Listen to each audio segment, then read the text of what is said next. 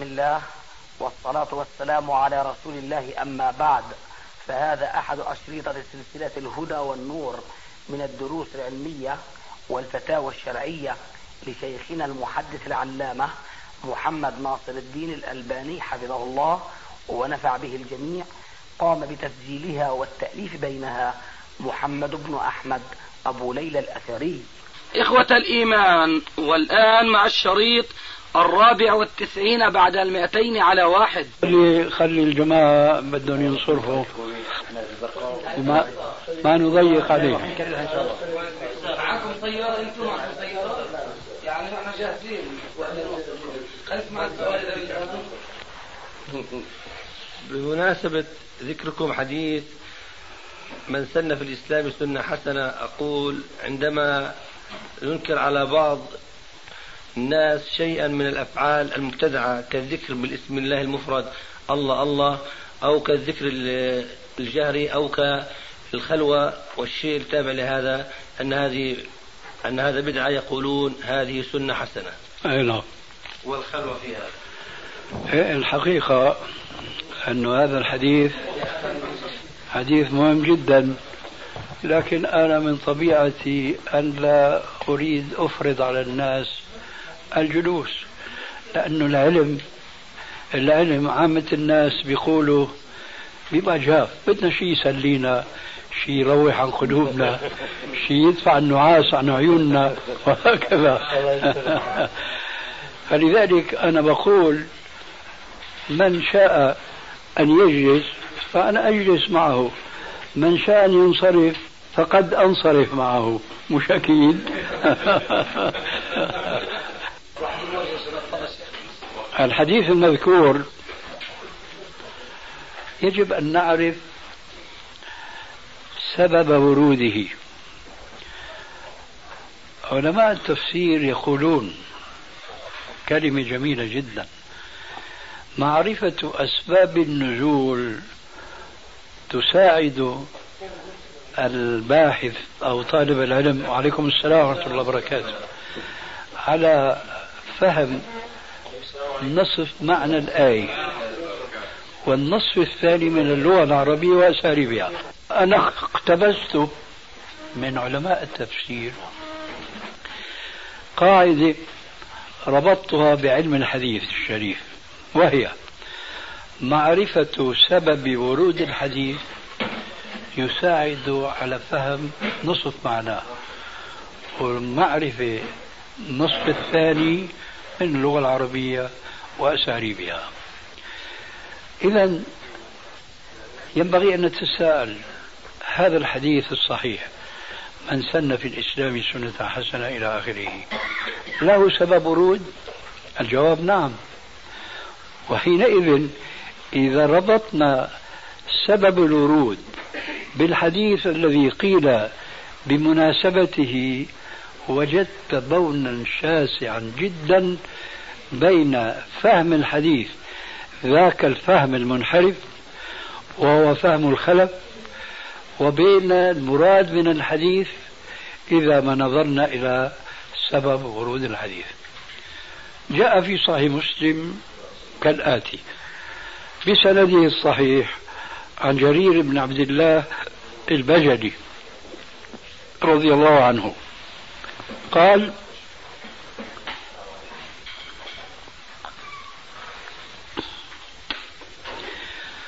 الحمد لله. السلام عليكم هناكم الله جميعا وعليكم السلام ورحمة الله. قال كنا جلوسا عند النبي صلى الله عليه وآله وسلم. فجاءه أعراب مجتابي النمار متقلدي السيوف. عامتهم من مضر بل كلهم من مضر فلما رآهم رسول الله صلى الله عليه وآله وسلم تمعر وجهه. أي تغيرت ملامح وجهه عليه السلام حزنا على فقرهم. مجتابين نمار. إيش معناه بدنا نفسرها باللغة المعروفة اليوم. بطانية مأورينها من النصف ومنزلين على كتافهم. هذا هو لباسهم.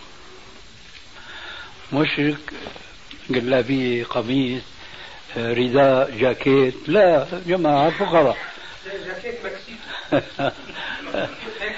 مجتابين نمور والله ما أدري. المهم فمظاهر الفقر المدقع ظاهر عليهم. لذلك قال جرير فتمعر وجه النبي صلى الله عليه وسلم فوقف في الصحابة خطيبا. وقرأ آية في القرآن الكريم يا أيها الذين آمنوا أنفقوا مما رزقناكم من قبل أن يأتي أحدكم الموت فيقول رب لولا أخرتني إلى أجل قريب فأصدق وأكن من الصالحين. ثم قال عليه السلام تصدق رجل بديناره بدرهمه بصاع بره بصاع شعيره. فقام رجل من أصحاب الرسول وانطلق إلى داره ليعود وهو حامل في طرف ثوبه. ما تيسر له من طعام يعني قمح شعير تمر هذه هو من طعامه يومئذ؟ ووضعه أمام الرسول عليه السلام. فلما رأى بقية الأصحاب ما فعل صاحبهم انطلق كل منهم ليعود أيضا بما تيسر له من صدقة. قال جرير فاجتمع أمام الرسول عليه السلام من الطعام والدراهم والدنانير كأمثال الجبال يعني أكوام. فتنور وجه النبي صلى الله عليه وسلم كأنه مذهبة. كأنه مذهبة. إيش معنى مذهبة؟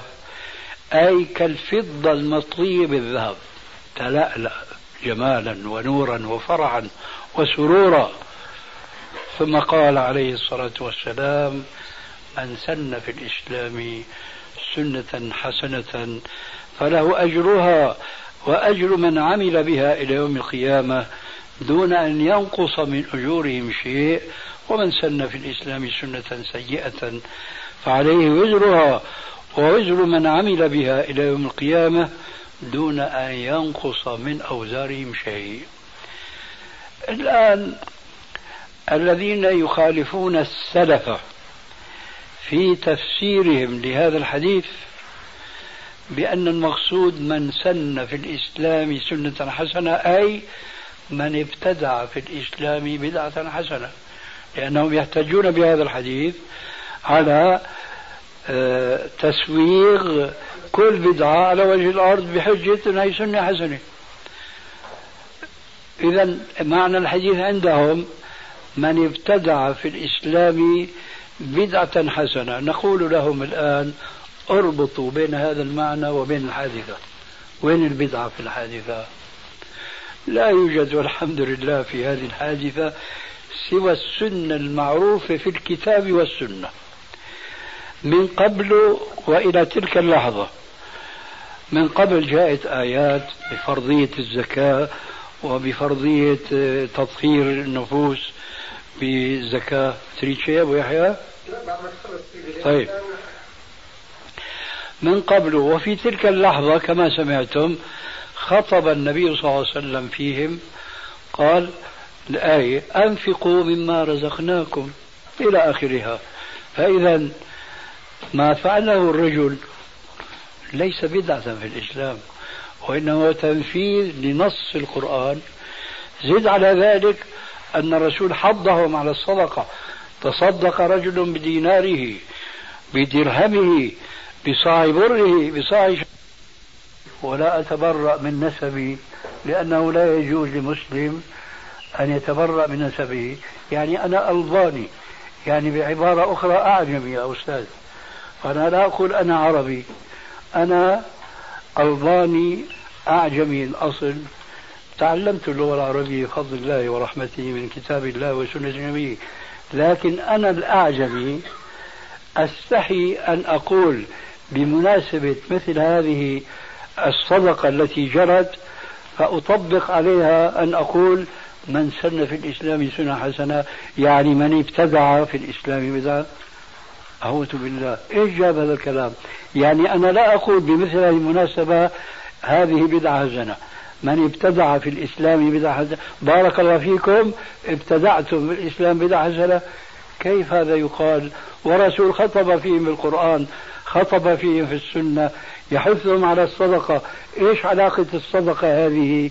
بما تزعمون أنها بدعة لأن الرسول بهذه المناسبة قال من سن في الإسلام سنة حسنة.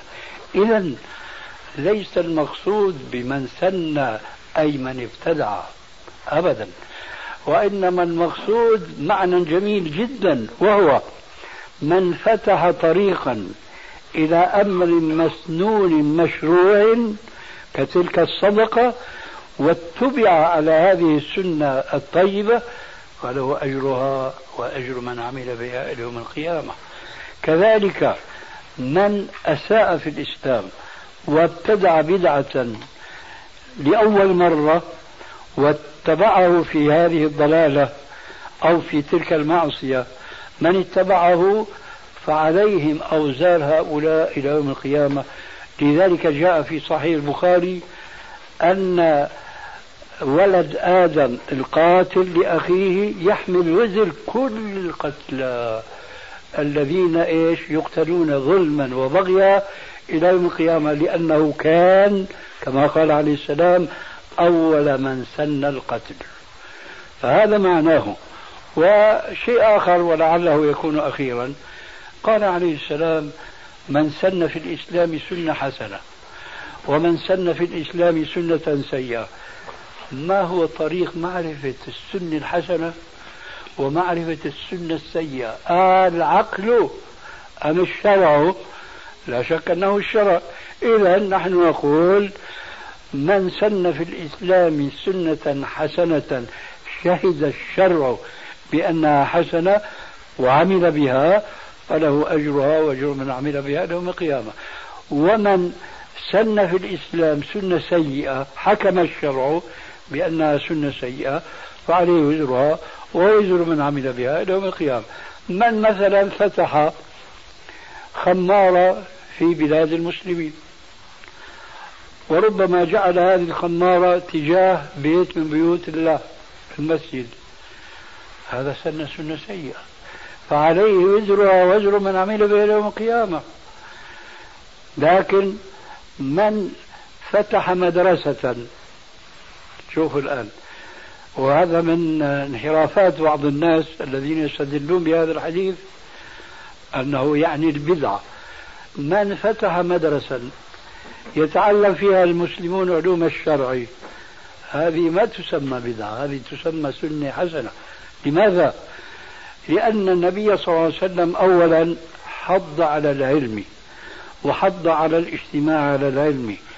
وفتح باب الاجتماع في حدود ما كان متيسرا في ذلك الزمان تارة في المسجد بالنسبة للرجال وتارة في بعض البيوت بالنسبة للنساء كما جاء أنه بعض النساء قالوا قالت أنه يا رسول الله ذهب الرجال بما عندك من علم فاجعل لنا يوما فجعل لهم إيش؟ يوما لكن هذا اليوم ما كان في هناك دار متيسرة نسميها مدرسة نسميها دار القرآن نسميها دار الفقهاء إلى آخره. لكن هو سن هذا. ثم لم تكن الحاجة هناك تستدعي هذا التوسع الموجود بسبب اتساع رقعة العالم الإسلامي. فهذه ليست من البدع في شيء وإنما هي سنة حسنة فله أجرها. وأجر من عمل بها يوم القيامة. وهذا الحديث في الواقع له يعني ذيول كثيرة وكثيرة جدا لأنه بعضهم بيحتج بقول عمر الخطاب نعمة البدعة هذه وبعضهم بيحتج بقول ابن مسعود ما رآه المسلمون حسنا هو عند الله حسن. وكل هذا من سوء الفهم لأن صلاة التراويح سنة وليست بدعة. وجواب عن عمر أرادت اللغة بدعة لغوية لأنه كانت متروكة ما بين خلافة أبو بكر ويوم أحيا عمر هذه السنة. كذلك ابن مسعود رضي الله عنه لما قال ما رآه المسلمون حسنا فهو عند الله حسن المسلمون المسلمون إما أن يكون ال هنا وهذه من اللغة العربية إما أن يكون المسلمون للاستغراق والشمول. وإما أن يكون للعهد والاختصاص أي علماء المسلمين. وليس ما رأوا المسلمون أي جهلتهم أي في آخر الزمان. لا إنما المقصود به خاصة المسلمين. نقول على الرأس العين ما رأوا المسلمون حسنا فهو عند الله حسن. ومن الدليل على ذلك تمام الحديث. أي أوله لأن ابن مسعود يقول قال هذا الحديث بمناسبة وفاة الرسول عليه السلام واختيار أصحابه الكرام من بعده خليفة عليهم أبا بكر الصديق. فقال أن المسلمون اجتمعوا على اختيار أبي بكر الصديق خليفة عليهم. إن الله جعل أرسل نبيه صلى الله عليه وسلم رسولا وجعل له وزراء وأنصارا فما رآه المسلمون أي هدون الوزراء والأنصار يعني المهاجرون والأنصار. فما رآه المسلمون حسنا فهو عند الله حسن. وين بقى ما رأوا المسلمون المهاجرون والأنصار؟ السلف أول السلف. وما يراه بعض الخلف. بعض الخلف حتى لو فرضناهم أنهم على شيء من العلم ولكن شتان. كما قيل فأين الثريا من الثرى؟ وأين معاوية من علي؟ رضي الله عنهما لكن أين هما؟ في النسبة في العلم. فعلي أعلم بكثير من معاوية لكن جمعه الإسلام جمعهم الصحبة جمعهم العلم لكن ذاك أوسع باعا من معاوية بكثير وكثير جدا. ولذلك فإذا قال بعض المسلمين بالبدعة حسنة فهؤلاء لا يعتد بقولهم لأنهم يخالفون أولا آية في القرآن الكريم. هذه الآية والله يعني أكاد أتفطر حزنا على المسلمين الذين لم يقدروا أولا قدرها بينما حبر من أحبار اليهود عرف قدر هذه الآية الكريمة. ألا وهي قوله تعالى اليوم أكملت لكم دينكم وأتممت عليكم نعمتي ورضيت لكم الإسلام دينا. جاء رجل من أحبار اليهود إلى عمر. قال يا عمر آية في كتاب الله. لو علينا معشر يهود نزلت لاتخذنا يوم نزولها عيدا. قالوا ما هي؟ قال اليوم أكملت لكم دينكم إلى آخره. كأن هو ما جاء في الحديث يقول له أبشر لكن كأنه يقول له أبشر. لقد نزلت هذه الآية في يوم عيدين يوم جمعة ورسول الله على عرفة. نزلت هذه الآية ورسول الله في عرفة ويوم جمعة فهي عيد فعلا. فهل عرف المسلمون قدر هذه الآية الكريمة؟ لا والله.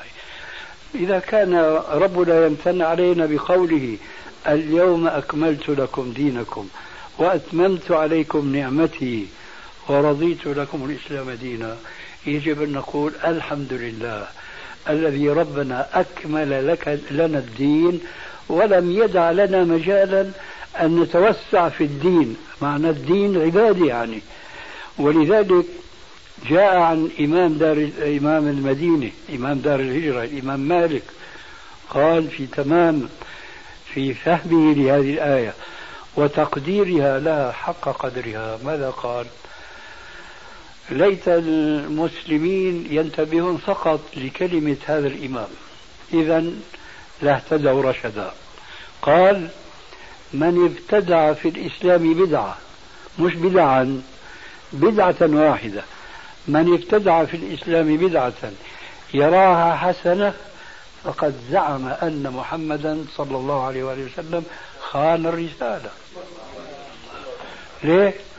قال قال تعالى اليوم أكملت لكم دينكم وأتممت عليكم نعمتي ورضيت لكم الإسلام. قال مالك في تمام الكلمة التي كما كان يقال قديما تكتب بماء الذهب. ها؟ قال في تمامها فلا فما لم يكن يومئذ دينا لا يكون اليوم دينا أبدا. فما لم يكن يومئذ دينا لا يكون اليوم دينا. تمام الكلمة الجوهرية هذه ولا يصلح آخر هذه الأمة إلا بما صلح به أولها.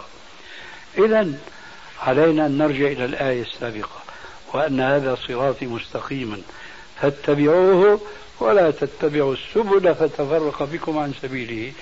من اتباع السبل؟ اتباع البدع. وإيش معنى اتباع البدع؟ أعتقد أن كل مسلم يعتقد اعتقادي. لا يختلف معي الاختلاف السابق إن شاء الله. ألا وهو أن الله عز وجل قد شرع للمسلمين من العبادات المفروضة والواجبة والمسنونة والمستحبة والمندوبة ما لا يستطيع أعبد الناس ولو كان داود عليه السلام حيا الذي قال عنه الرسول عليه السلام داود أعبد البشر. أو أعبد البشر داود عليه السلام.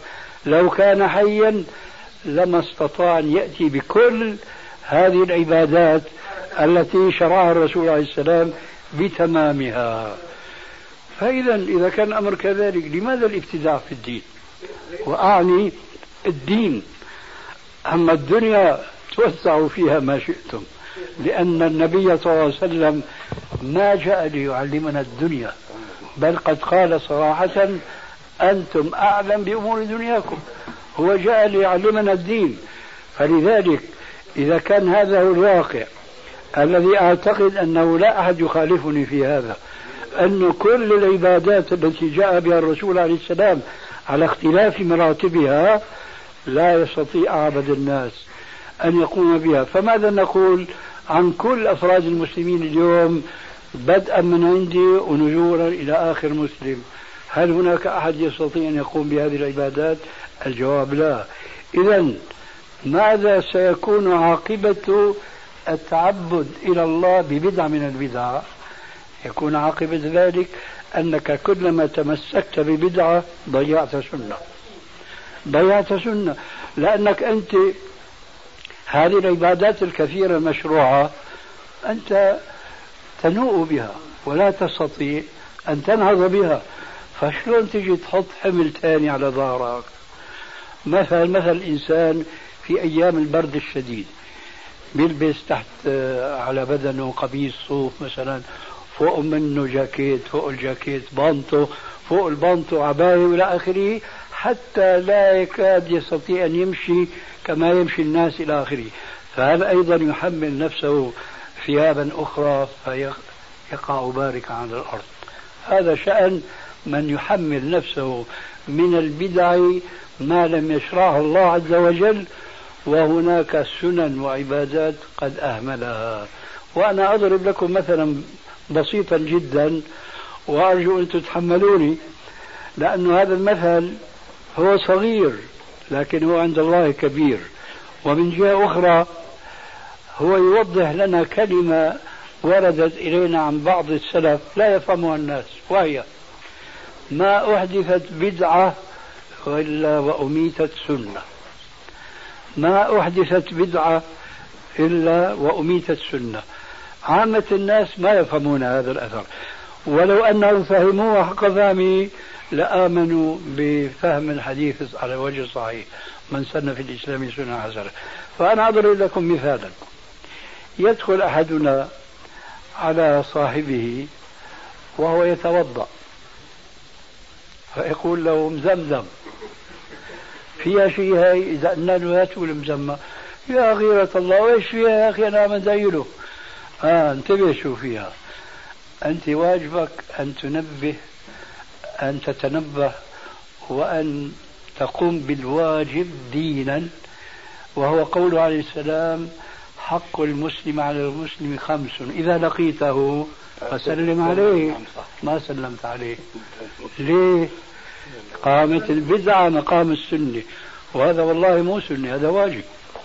إلقاء السلام على أخيك المسلم هذا واجب. ضاع السلام وطاح ما الذي طيح به ورمى وأرضى؟ زمزم حلت محلها؟ أيوة. زمزم حلت محلها. و... كثير يا أستاذ بس إيه، طيب. لكن شوف هذا هذا الجواب هو للتخلص من الحجة. يا جماعة نحن بنعالج الواقع. الواقع اليوم أنه ما حدا بيقول له السلام عليكم من زمزم. ما حدا بيقول هيك نعم فما حدا بيقول هيك ليش؟ لأنه ربنا بده يقيم حجته على عباده ما أحدثت بدعة إلا وأميت السنة إيه نحن بنجمع بين التنتين طيب إذا جمعت بين التنتين إن جواب ثاني نحن بكون جمعت بين الطيب والخبيث لكن الضلال الأكبر أنكم اقتصرتم على الخبيث وتركتم الطيب. قد يقول قائل شوفي يا أخي؟ هكذا يقولون يعني. هذا دعاء شو معنى مزمزم؟ يعني إن شاء الله ربنا بيوفقك وبتحج وبتعتمر وبتشرب من ماء زمزم. وبتضوى منها. صحيح هذا هو المعنى. أنا بقول آه شو بدي أسميها؟ والله ماني عارف. خلينا نقول معارضة. أنا بعارضهم إذا كان يجوز لي أن أدعو لمن أراه يتوضأ من زمزم أنا بقول لهم كوثر شو رأيك؟ أنو أهم؟ كوثر أهم ليش أهم؟ لأنه قد يحج لكن يقول له العربي القديم وما حججت ولكن حجت الإبل حج هو. لكن لكن لما له من كوثر يعني تشرب من ماء الكوثر. الكوثر كما قال تعالى إن أعطيناك الكوثر ماء في الجنة يجري ويصب في حوض الرسول عليه السلام المبشر به الذي من صفاته أنه من شرب منه شربة لا يظمأ بعدها أبدا. فإذا قلنا لهم زمزم أهم من هذيك ليش ماسكين هذيك؟ وتاركين هاي و... لأنه قضية. قضية هيك واحد أول من ابتدع الشيء مشي بقى وهات إيدك وامشي الناس ما بيفكروا. هكذا أتباع الناس للبدع. لكن حاشا لله أنا لا بقول مكوثر ولا بقول إيش مزمزم. وإنما إذا لقيت أخي المسلم أبادره بالسلام. لكن أقول أحيانا زمزم وأقول أحيانا كوثر. مشان صاحبنا شوي أبو عبد الرحمن. يعني ما يبعد كثير عنا. لا أبو عبد الرحمن حبيبي قريب اسمح لي فأنا بقول أنا بقول بقول أنا أحيانا ليش؟ اعمالا لمبدأ الدعاء للأخ المسلم بالخير. اعمالا. لكن لا اعتيادا لأنه بيكون شرعنا للناس سنة والتزموها وكان من نتائج التزامها إيش؟ إضاعة مش السنة إضاعة الواجب. وإخواننا بيعرفوا أحيانا بنصلي وبنطلع ونلتقي السلام عليكم. قد أقول لأحدهم وهو يستغرب تقبل الله. آه بيعرف إنه هي بدعة. لكن أنا بقول له ما في مانع إنه ادعي لك أحيانا ربنا يتقبل دعاء أما المسلم كمان هي بتسلم على هديك كما يقولون تماما. اثنين دخلوا المسجد واحد من هذا الباب والثاني من هذا الباب وصلوا صلاة الجمعة أو صلاة من الصلوات الخمس. بعدين التقوا إما في المسجد أو خارج المسجد تقبل الله. وين السلام؟ طاح السلام وراح. ما أحدثت بدعة إلا وميتت سنة. إذنك معك وأهلا ومرحبا. أهلا. مع السلامة. ولا تنسى تسلم علينا. ما سمعت أنا. أنا عجوز يعني بدك تراعيني. وعليكم السلام. الله وبركاته. نعم أبو عبد الرحمن يمكن عنده كلام. حلمك ما شيخنا ما حكم الاصطلاة على سيدنا رسول الله عقيب الأذان؟ تدور عليه أحكام كثيرة. تارة يكون فرضا وتارة يكون واجبا وتارة يكون سنة أو مستحبا وتارة يكون بدعة. هذا هو الجواب. بعد الأذان كيف؟ بعد الأذان. أنا ما سمعت كلمة بعد الأذان. آه، ما حكم الصلاة على سيدنا رسول الله صلى الله عليه وسلم عقيب الأذان؟ آه كويس. أنا ما سمعت عقيب الأذان. لذلك أجبتك بهذا الجواب التفصيلي. الجواب بالنسبة للصلاة على الرسول بعد الأذان. بالنسبة لسامع الأذان حسيت بشيء دقر هنا نعم أبو عبد الرحمن يمكن عنده كلام. حلمك ما شيخنا ما حكم الصلاة على سيدنا رسول الله عقيد الأذان؟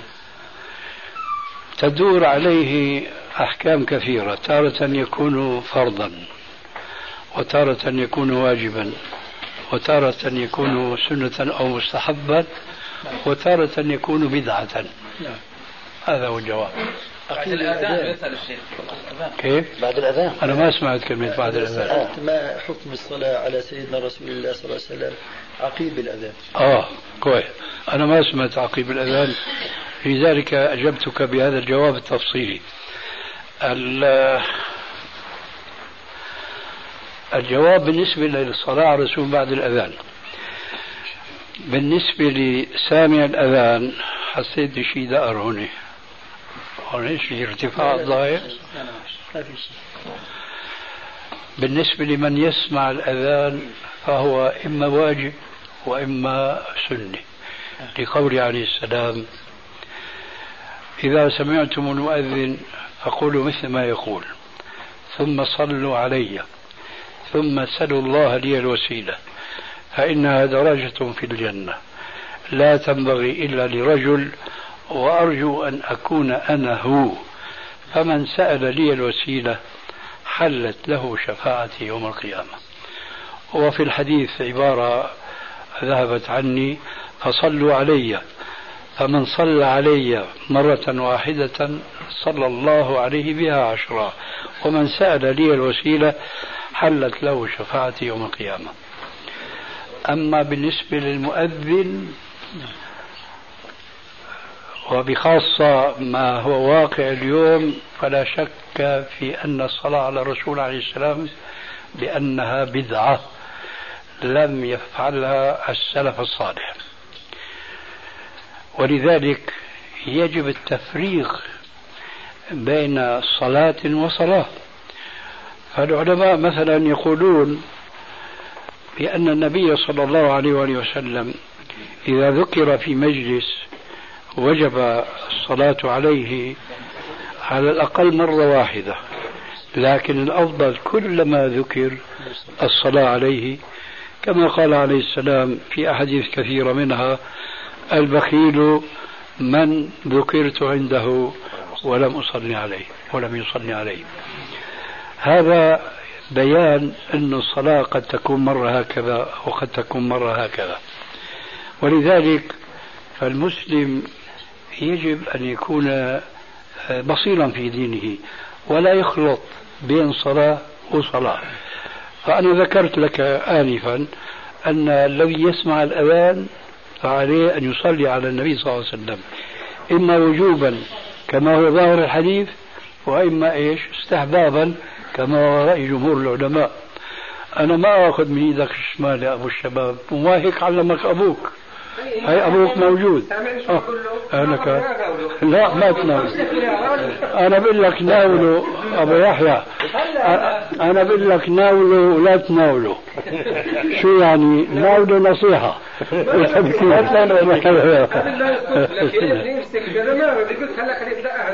بس بديش أنا اروي لفظاتي برضه كمان سمعت من حضرتك لما قلت ورضيت لكم الضاد من مخرجها الصحيح وهالمحترم بدي هسه تسمعها من الناس مشان يفك الخلاف بينه وبين حج طاهر. لا هذا لا لا, لا اسمح لي. هذا بحث علمي وفعلا جاف جاف. ما حدا بيتحمله. أنا من بالنسبة لي عندي استعداد أن ألتقي معك. إن شاء الله. ومع أبو محمد ومن شاء من طلاب العلم أن يحضر الجلسة تكون إيش؟ خاصة لهذه المسألة. أي نعم. لأنه مسألة نعم. أهلا وسهلا. أنت ومن معك. بسم الله. ما ضل صاحبكم وما غوى لو كان الضاد ما ضل أي ما بقي. ما ضل صاحبه. لا هو الضاد الضاد مخرج الضاد راح تضطرونا بقى ندخل في لا لا الموضوع لا لا لا لا لا خلص لا أنا صحتي اي خلاص خلاص فأقول فالصلاة على الرسول إذا تختلف أحكامها باختلاف مواطنها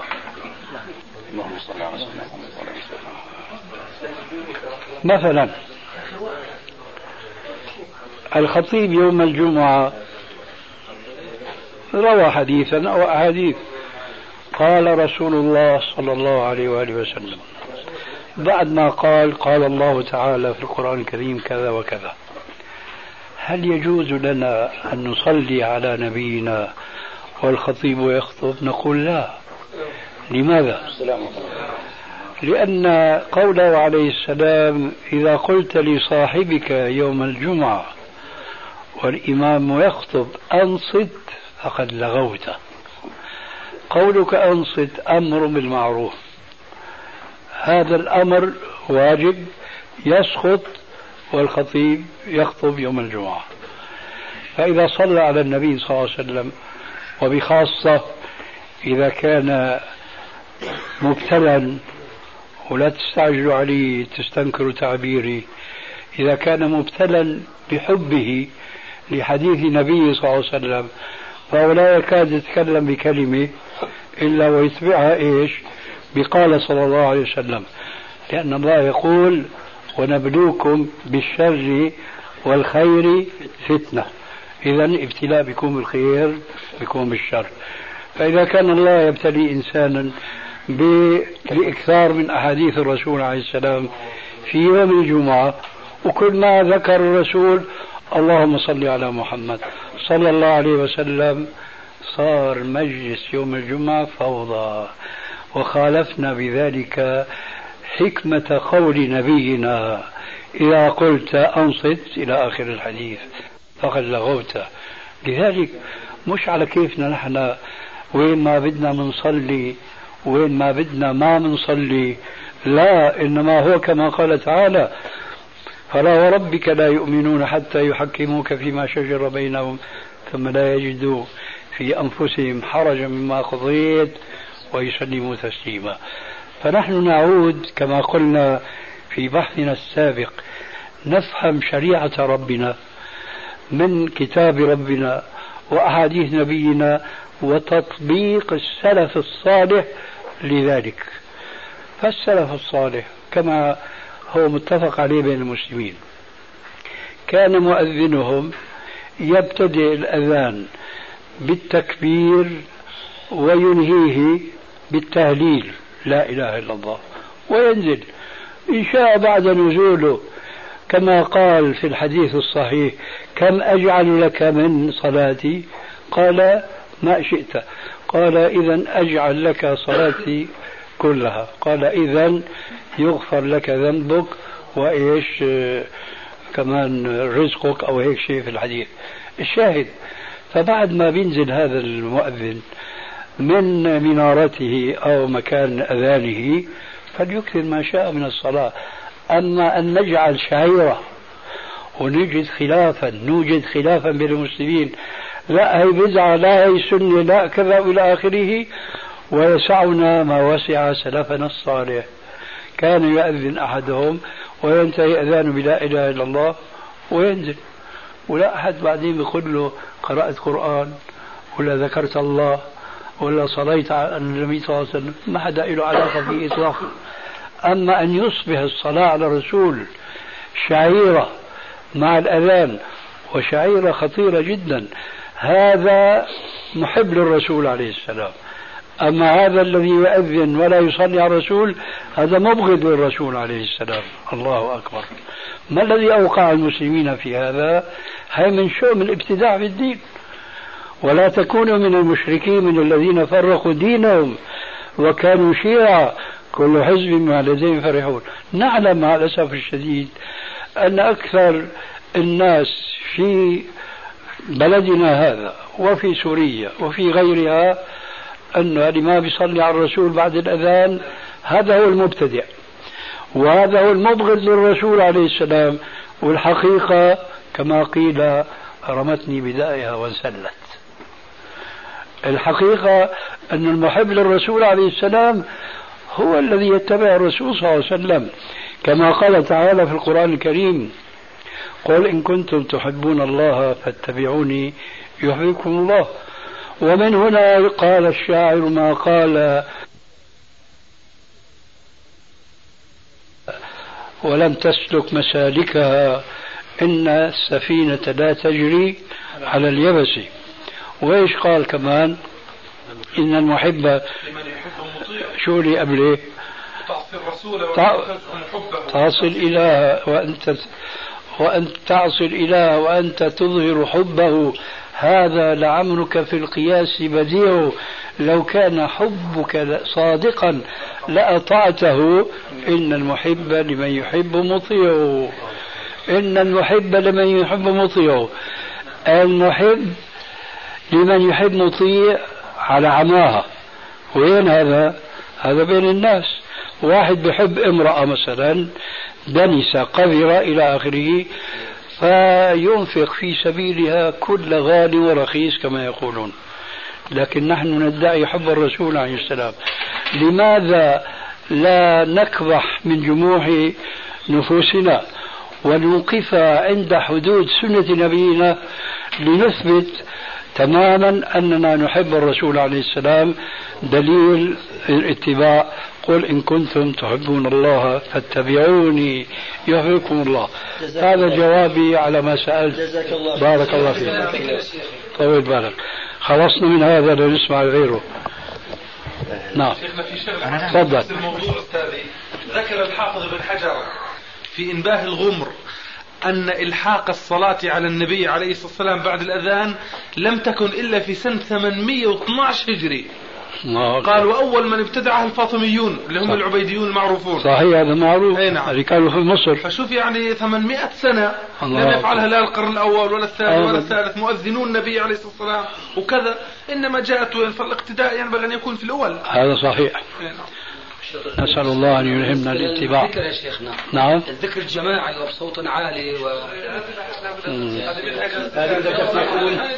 إحنا عندنا صلاة فجر وعندنا درس فجر الصبحيات فنستأذن من إخواننا والجلسة لا تمل. لا يمل هذا اللقاء. والساعة 12 بس هالأيام هذه مش قليلة. يلا بسم الله.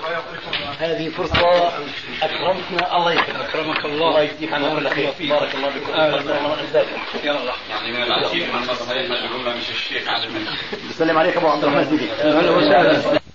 من همزه ونفخه ونفخه.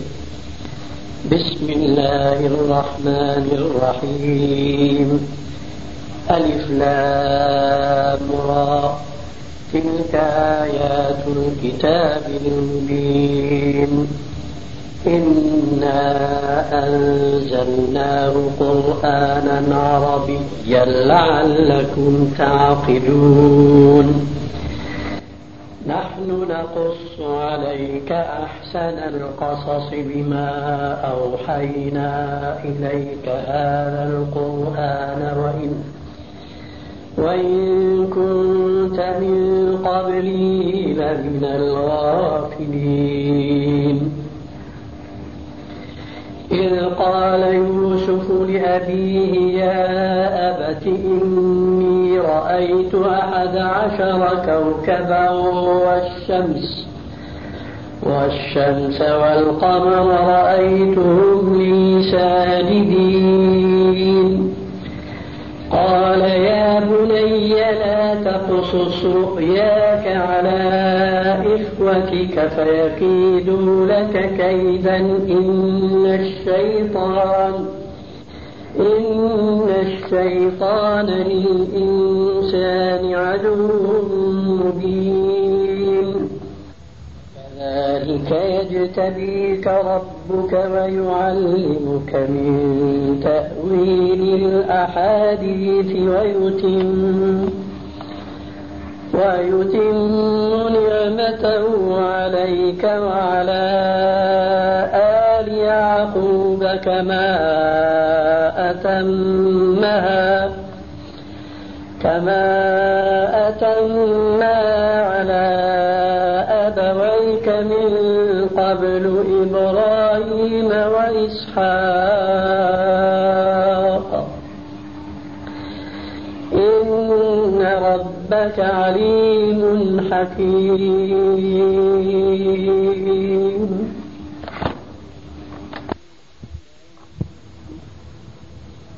لقد كان في يوسف وإخوته آيات للسائلين. إذ قالوا ليوسف وأخوه أحب إلى أبينا منا ونحن عصبة إن أبانا لفي ضلال مبين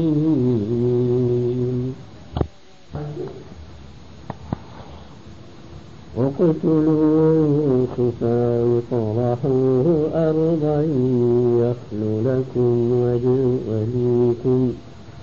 وتكونوا من بعده قوما صالحين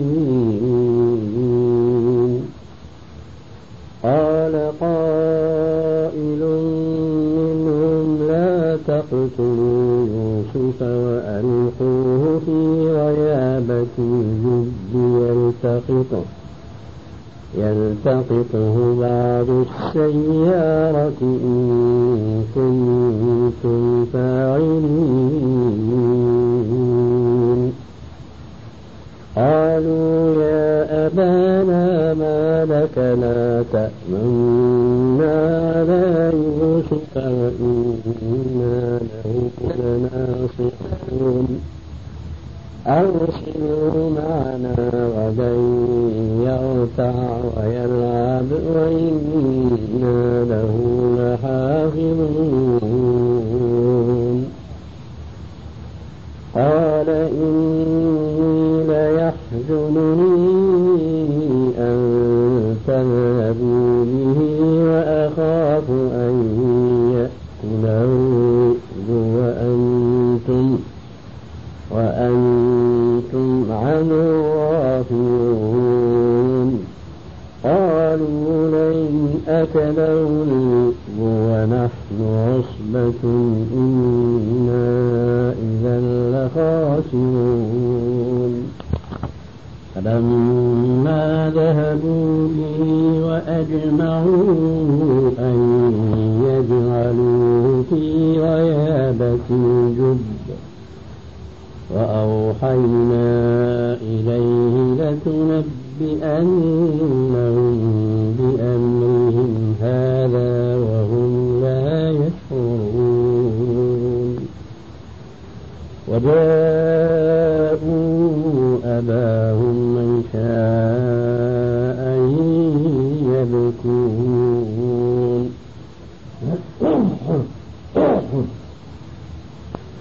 قالوا أبانا إنا ذهبنا نستبق وتركنا يوسف عند متاعنا وتركنا يوسف عند متاعنا فأكله الذئب. وما أنت بمؤمن لنا ولو كنا صادقين وجاءوا على قميصه بدم كذب قال بل سولت لكم أنفسكم أمرا فصبر جميل والله المستعان على ما تصفون.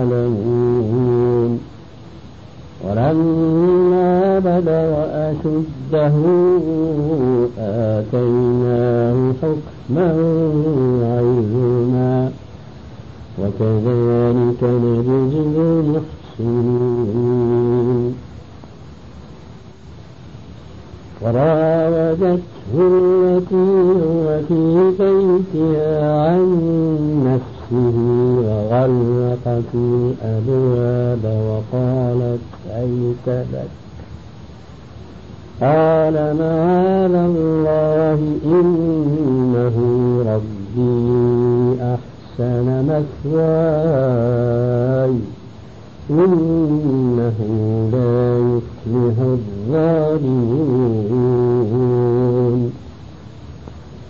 ولقد همت به وهم بها لولا أن رأى برهان ربه. كذلك لنصرف عنه السوء والفحشاء. إنه من المخلصين واستبق الباب وقدت قميصه من دبر وألق يا سيدها لدى الباب. قالت ما جزاء من أراد بأهلك سوءا إلا إلا أن يسجن أو عذاب أليم. قال هي راودتني عن نفسي وشهد شاهد من أهلها. إن كان قميصه قد من قبل فصدقت وهو من الكاذبين. وإن كان قميصه قد من دبر فكذبت وهو من الصادقين. فلما رأى قميصه قد من دبر قال إنه من كيدكن إن كيدكن عظيم. يوسف أعرض عن هذا واستغفري لذنبك كنت من الخاطئين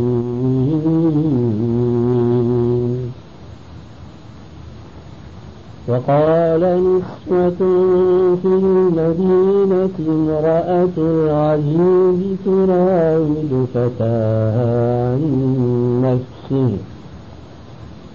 شغفها حبا إنا لنراها في ضلال مبين.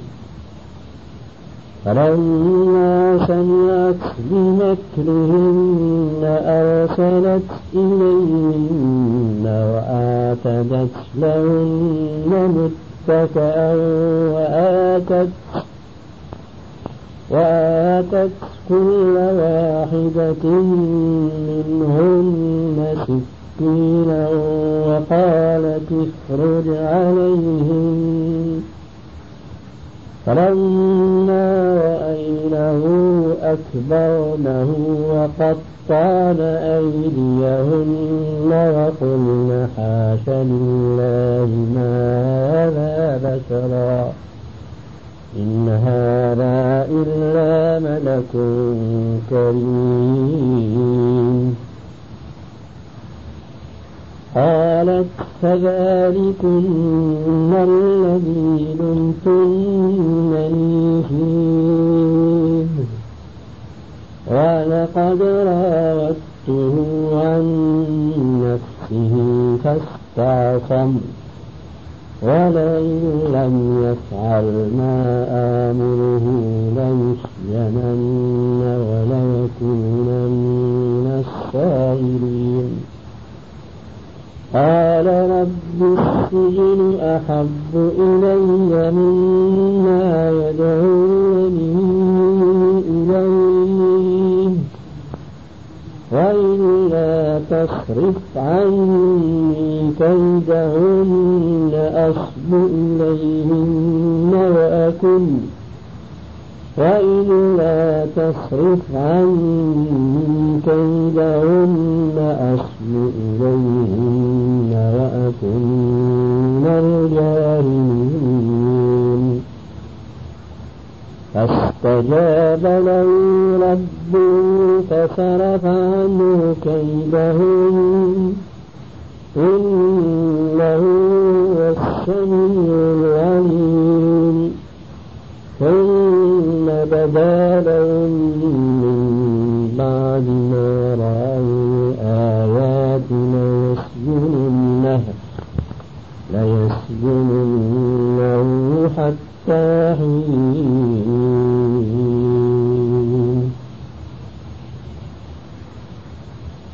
ودخل معه السجن فتيان قال أحدهما إني أراني آخر خمرا وقال الآخر إني أراني أحمل فوق رأسي خبزا تأكل الطير منه. نبئنا بتأويله إنا نراك من المحسنين قال لا يأتيكما طعام ترزقانه إلا نبأتكما بتأويله قبل إلا نبأتكما بتأويله قبل أن يأتيكما. ذلكما مما علمني ربي. إني تركت ملة قوم لا يؤمنون بالله وهم وهم بالآخرة هم كافرون. واتبعت ملة آبائي إبراهيم وإسحاق ويعقوب. ما كان لنا أن نشرك بالله من شيء. ذلك من